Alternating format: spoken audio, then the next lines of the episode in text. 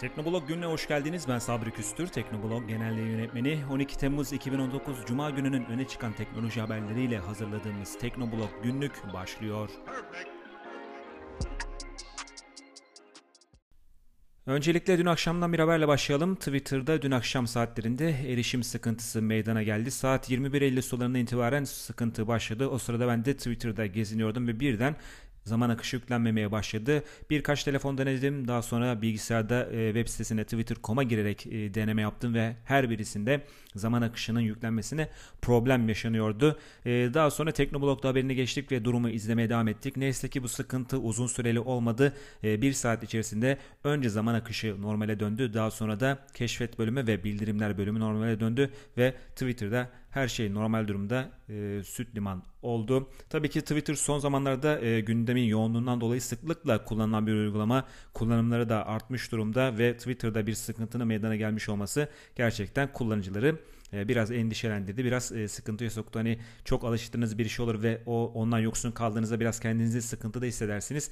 Twitter'da yaşanmış olan 1-2 saat civarında kesinti buna neden oldu. Kesinti Türkiye ile alakalı değildi. Sadece Türkiye'de değil dünya çapında erişim sıkıntısı meydana geldi ve neyse ki bu sıkıntı kısa sürede giderildi. Geçtiğimiz haftada hatırlarsanız Facebook, Instagram, WhatsApp Messenger, Facebook Messenger gibi Facebook'un sahip olduğu uygulamalarda ve servislerde erişim sıkıntısı meydana gelmişti ve bu durum Twitter'a kullanıcı akının olmasına yol açmıştı. Tahmin ediyoruz ki Twitter'da sıkıntı yaşanacağı insanlar da Instagram'a önermiştir. Biraz da fotoğraf vesaire story, hikaye onlar da takılmıştır. Şu anda durum kontrol altında. Twitter'a erişim mevcut durumda. Twitter kullanabilirsiniz. Masa üstünde de akıllı telefonlarda Twitter çalışır halde. YouTube'dan bir haberle devam edelim. YouTube e, popüler video e, servisi, video yayın servisi yapımcılarına da epey fazla miktarda para kazandırıyor. YouTube'dan milyonlarca dolar kazanan yapımcılar var. Özellikle İngilizce kanal olan ve dünya çapına hitap eden yayıncılar içerisinde e, gelir e, hanesinde milyon dolarların yazdığı yapımcılar var. Bunu biliyoruz. YouTube e, yapımcıların daha farklı yollarla reklamların dışında da para kazanmalarına yönelik yeni seçenekler sundu. Her ne kadar bunlar Türkiye'de pek fazla kullanımda olmasa da Türk, e, Türkiye'deki yayıncılar bunlardan yararlanamıyor olsa da bunlar dikkat çekici. Bakacak olursak süper çıkartmalar adı verilen bir özellik var. Süper çıkartmalar e, canlı yayınlar veya ilk gösterimler sırasında animasyonlu çıkartmalar sayesinde takipçilerin para yardımında bulunmasına olanak sağlanıyor. E, YouTube geçtiğimiz yıllarda sanırım 2017'nin başlarında Süper Sohbet, Süper Chat adı verilen bir özellik sunmuştu ve böylelikle e, izleyicilere yayınlar sırasında yorumlarının başta sabitlenmesi, sürekli üst sıralarda gösterilmesi şeklinde bir imkan sunmuştu. Bunu yapan bir izleyici hem yayıncıya para kazandırıyordu hem de yorum üstü olduğu yayıncı da onun e, sorusunu, yorumunu görüp çok daha hızlı şekilde yayından karşılık verme imkanı elde ediyordu e, bu süper çıkarmalarda ona benzer bir özellik olarak nitelendirilebilir. Bunun dışında kanal üyelikleri var. Patreon adı verilen bir servis var. Siz yayıncılara, e, üreticilere, içerik üreticilerine yardımda bulunuyorsunuz. Farklı abonelik paketlerine üye olup hem ona e, gelir katkısında bulunuyorsunuz hem de bir takım avantajlar elde ediyorsunuz. Benzer e, kanal üyelikleri şimdi YouTube'da biraz daha genişletiliyordu. Aslında vardı şimdi biraz daha genişletilmiş oluyor. Aylık 5 dolarlık ücret karşılığında özel canlı yayınlar, bonus niteliğinde videolar veya teşekkürler gibi para veren üyeler özel imkanlar e, kanal sahipleri tarafından sunuluyordu bu kanal üyeliklerinde. Şimdi YouTube yayıncıları en fazla 5 farklı fiyat noktasında birden fazla üyelik seviyeleri oluşturabiliyor ve daha fazla ödeme yapanlara da daha fazla imkan sunabiliyor. Bunun dışında bir de satış işlevi var. E, diyelim ki MAG vesaire bu gibi e, YouTube yayıncılarının e, hayranlarına, abonelerinin özel olarak oluşturduğu ürünleri, fiziksel ürünleri sattıkları bir yer bu e, merchant adı verilen merch adı verilen özellik. Şimdi YouTube buraya farklı Amerika'dan veya yurt dışından farklı e, bu tarz e, iş yapan tedarikçileri de servisleri de ekliyor ve bu kanallar YouTube'un satış alanını kullanarak hazırladıkları özel ürünleri doğrudan kendi kanallarından satma imkanını elde edebiliyor. Bir de YouTube en çok kullanıldığı alanlardan bir tanesi eğitici ve öğretici videolar. Şimdi YouTube e, Learning Playlists adı verilen öğretici çağ oynatma listeleri olarak Türkçeleştirebileceğimiz bir özellikle bu tarz öğretici, eğitici videoları listeler halinde bir araya getiriyor. İlk başta yüksek profil yayıncılar Khan Akademi, Crash Course, TED, Ad gibi e, profil, e, yüksek profilli kanallar bu oynatma listelerinde yer alacak. Ancak zaman geçtikçe diğer içerik yapımcılarına da e, biraz daha bireysel e, kullanıcılara da bu özelliğin listenin açılacağını tahmin ediyoruz.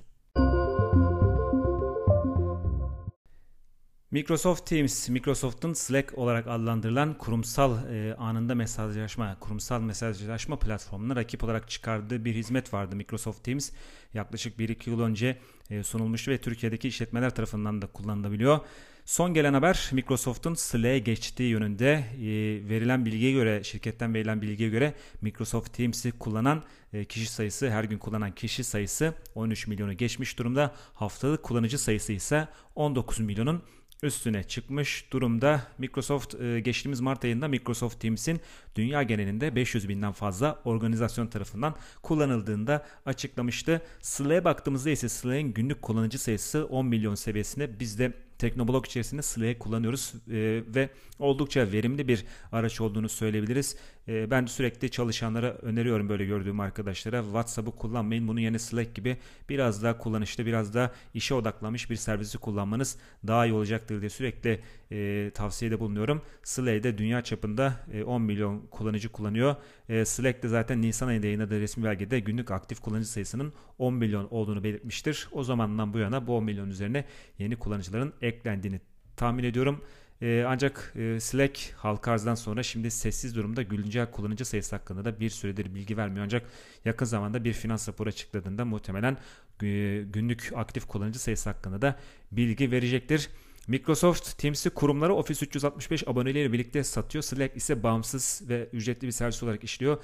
Ücretli demek aslında tam olarak doğru değil. Slack'e ücretsiz olarak da para vermeden de kullanabiliyorsunuz. Ancak bir süre sonra ihtiyaçlarınızı karşılamayabilir ve böylelikle e, bu nedenden dolayı Slack için para ödemeniz gerekebilir. O noktada zaten artık ihtiyaçlarınıza göre e, para vermeniz gerektiğini anlıyorsunuz ve seve seve para vermeyi tercih edebiliyorsunuz.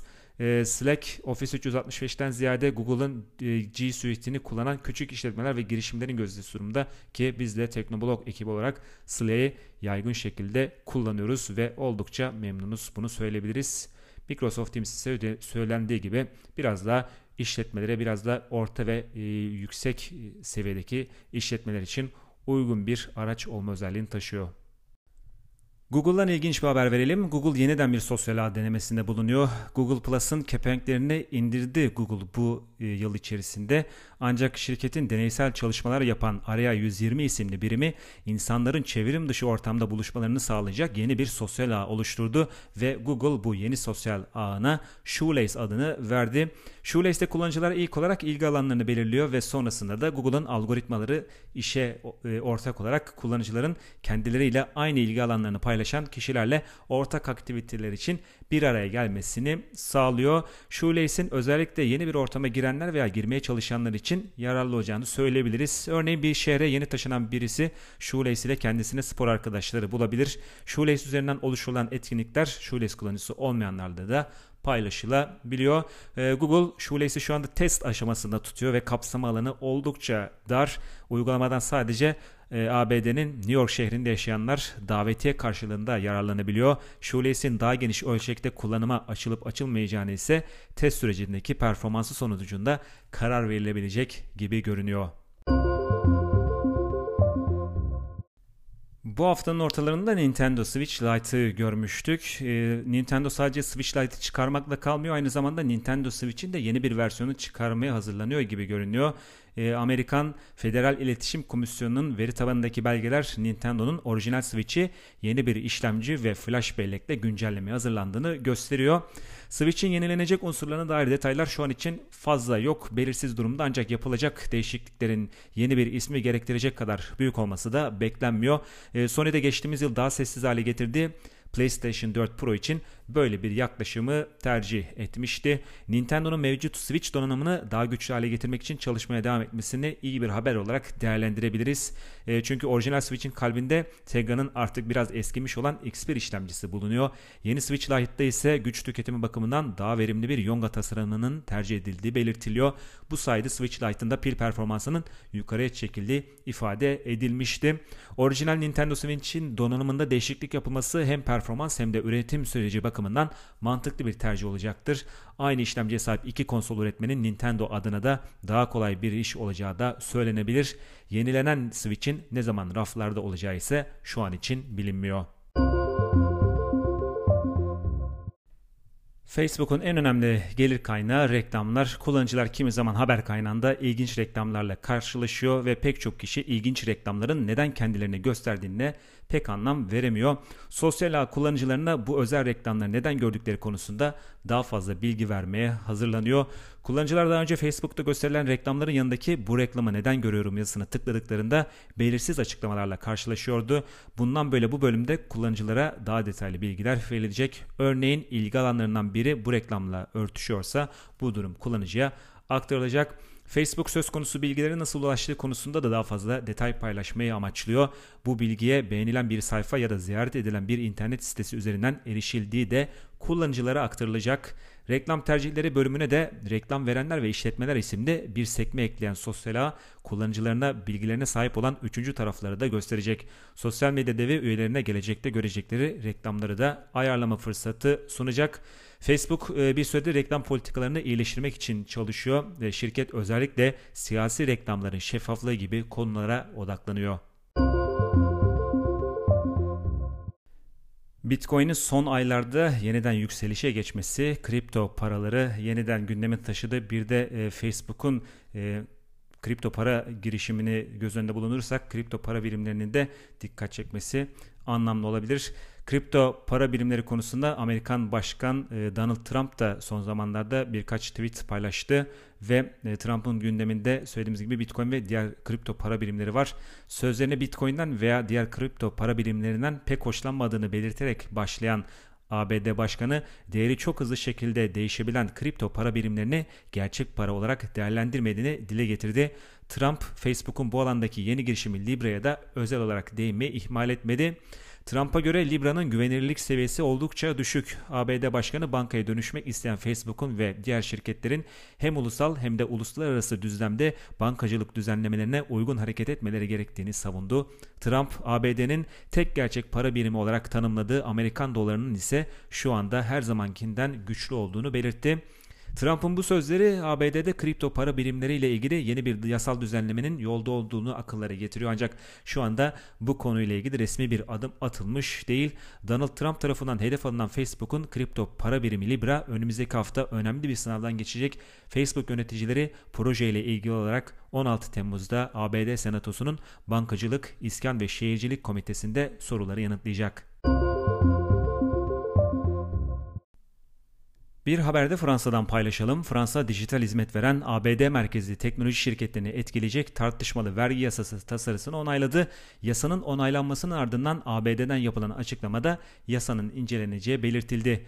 Fransa Senatosu'ndan geçen yasaya göre küresel geliri 750 milyon avronun, Fransa'daki geliri ise 25 milyon avronun üstünde olan teknoloji şirketleri Fransa'daki hizmetleri üzerinden elde ettikleri gelirin %3'ünü vergi olarak ödeyecek. Yeni yasanın etkileyeceği şirketler arasında Amazon, Facebook ve Google gibi devler başı çekiyor.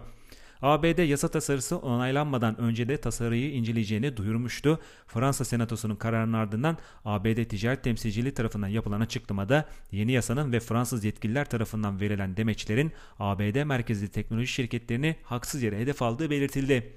ABD Ticaret Temsilciliği Başkanı Robert Wright ABD Ticaret Temsilciliği Başkanı Robert Lighthizer, Senato'dan geçen ve Amerikan şirketlerini haksız şekilde hedef alan dijital hizmetler vergisinin kendilerini endişelendirdiğini dile getirdi. Lighthizer, ABD Başkanı Trump'ın konuyla ilgili inceleme talimatı verdiğinin de altını çizdi. ABD incelemenin ardından Fransa'nın yeni vergisine resmi olarak yanıt verecek. Amerikan iş çevreleri de Fransa'nın yeni vergisine tepki gösterdi. ABD Ticaret Odası'ndan yapılan açıklamada verginin Amerikan şirketlerini ve çalışanlarını etkileyeceği belirtildi. Üyeleri arasında Facebook ve Google'ı da sayan Bilgi Teknolojisi Endüstrisi Konseyi ise Fransa'nın yeni vergisinin uluslararası çalışmalardan endişe verici bir kopuş anlamına geldiğini belirtti. Fransa Senatosu tarafından onaylanan dijital hizmetler vergisini eleştiren bir diğer kurum ise Bilgi Teknolojisi ve İnovasyon Vakfı vakfın açıklamasında yeni yasanın çok güçlü, çok karlı ve çok Amerikan olduğu düşünülen şirketlere yönelik yanlış bir hamle olduğu belirtildi. Fransa'daki adımın bir benzeri de Türkiye'de atılmaya hazırlanıyor. Ulaştırma ve Altyapı Bakanı yaptığı bir açıklamayla Facebook, Google ve bunun gibi Türkiye'den para kazanan şirketlerin Türkiye'de temsilcilik açmasının şart koşulacağı ve bu şirketlerden vergi alınacağı şeklinde bir açıklama yaptı. Benzer e, Fransa'da yaşananların benzerinin önümüzdeki aylarda Türkiye'de de yaşanmasını bekliyoruz.